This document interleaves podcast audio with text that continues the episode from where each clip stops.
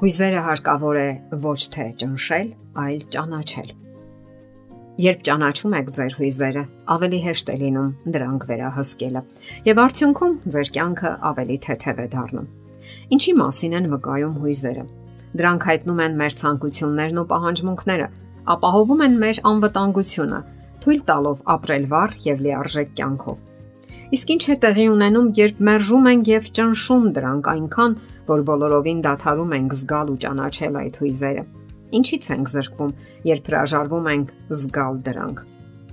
Ասենք որ զգացումներն ու հույզերը փոխկապակցված պատկերացումներ են։ Տարբերությունն այն է, որ զգացումները կամ զգացմունքները կայուն ապրումներ են։ Ենթադրենք, դուք սիրում եք որևէ անznավորություն։ Ընդ որում, տարբեր հույզեր եք զգում նրա հանդեպ քնքշությունից մինչև չարություն։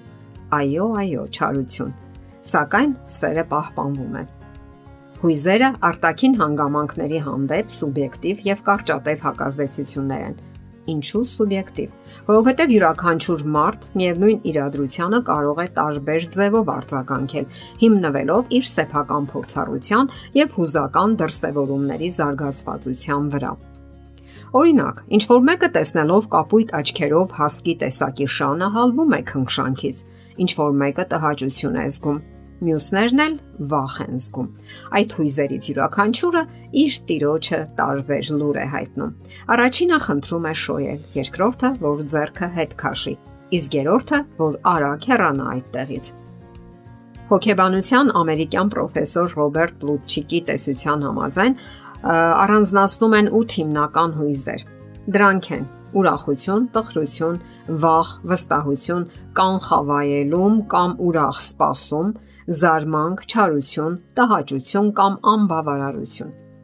Հույզերը զգալու եւ հասկանալու մարդու ունակությունը զարգանում է մանկությունից կախված այն բանից, թե որքանով են դրանք դրսևորվել շրջապատում։ Եթե ծնողներն ասում են ապրումների մասին եւ ցույց են տալիս, որ դա բնականon է, ապա երեխան չի սկսի ճնշել դա։ Սակայն ընտանիքներում ավելի հաճախ տեղի է ունենում հակառակը։ Դասյարակության ժամանակաշրջանում երեխաների շատ հույզեր արգելափակվում են իրենց համար կարևոր մեծահասակների, ծնողների եւ ուսուցիչների կողմից իսկ դեռահասային շրջանում հեղինակավոր ընկերների կողմից։ Ենթադրենք ձեզ արգելել են ուրախանալ կամ ցնծալ, երբ ձեզ համար հրաշալի արագընթաց հեծանիվ են գնել։ Ասել են, որ դա անպատշաճ է, որ ինչ որ մեկը կարող է նախանձել եւ դրանից հեծանիվը արագ կկոտրվի։ Ահա դուք մեծանում եք եւ ձեռք եք բերում երկար սպասված իրերը, սակայն չեք ուրախանում դրանցով եւ անգամ մի փոքր լարվածություն եք զգում կամ ընդհանրապես հրաժարվում եք առևտրից, որովհետև անգիտակցաբար զգում եք, որ կարող եք ինչ որ տհաճ ապրումներ ունենալ։ Ահա այսպես է դրսևորվում ուրախանալու արգելքը։ Եթե հետևեք դրան եւ թույլ տաք ձեզ նշելու յուրաքանչյուր ձեռքբերում, թրջկոտելով ինչպես երեխա, ապա արդյոք դրանից ձեր կյանքն ավելի ուրախ չի դառնա։ Մեկ այլ իրավիճակ Դուք առաջին անգամ եք սիրահարվել եւ այդ անznավորությունը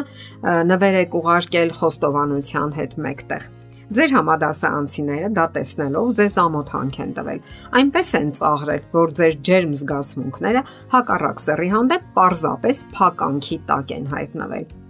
Իսկ մանկության ամենատարածված դեպքերից մեկը չարանալու արգելքն է։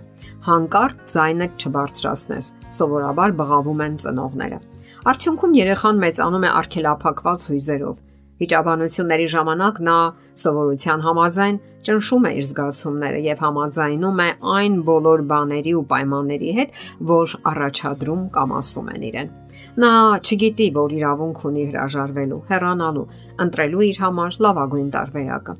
Բացասական հույզերը ճնշելու արդյունքում դրանք կուտակվում են եւ հանգեցնում սթրեսի որը կարող է դրսևորվել քրոնիկական հոգնածության, անհանգստության, տագնապի, դեպրեսիվ խանգարումների տեսքով։ Վարքագծի մեջ դա դրսևորվում է աշխատանքից խուսափելու, շփումներից հրաժարվելու, ագրեսիայի տեսքով, ինչպես նաև ծխախոտի եւ ալկոհոլային խմիչքների հանդեպ հակվածությամբ։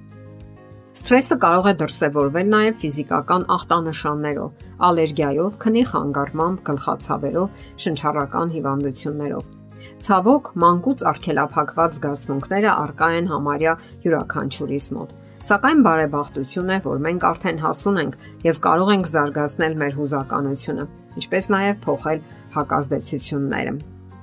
Ընտրել իր համար կարող է յուրաքանչյուրը, սակայն բոլորը չէ որ ունեն այդ հմտությունը։ Որպիսի սովորենք նորովի արձագանքել, հարկավոր է սովորել ընդունել սեփական անձը իր բոլոր զգացումներով եւ հույզերով, հատկապես բացասական Նրանք ավելի վառ են հայտնում բարեհարմարության ու ցանկությունների մասին, քան դրականները։ Դա ձեռք է բերվում մարզումների միջոցով, եւ այդպես կարող է անել մեզանից յուրաքանչյուրը։ Սկզբում գիտակցում ենք, որ զգում ենք, սակայն ոչ թե թաղվում ենք դրա մեջ, այլ ուղղորդում ենք, կառավարում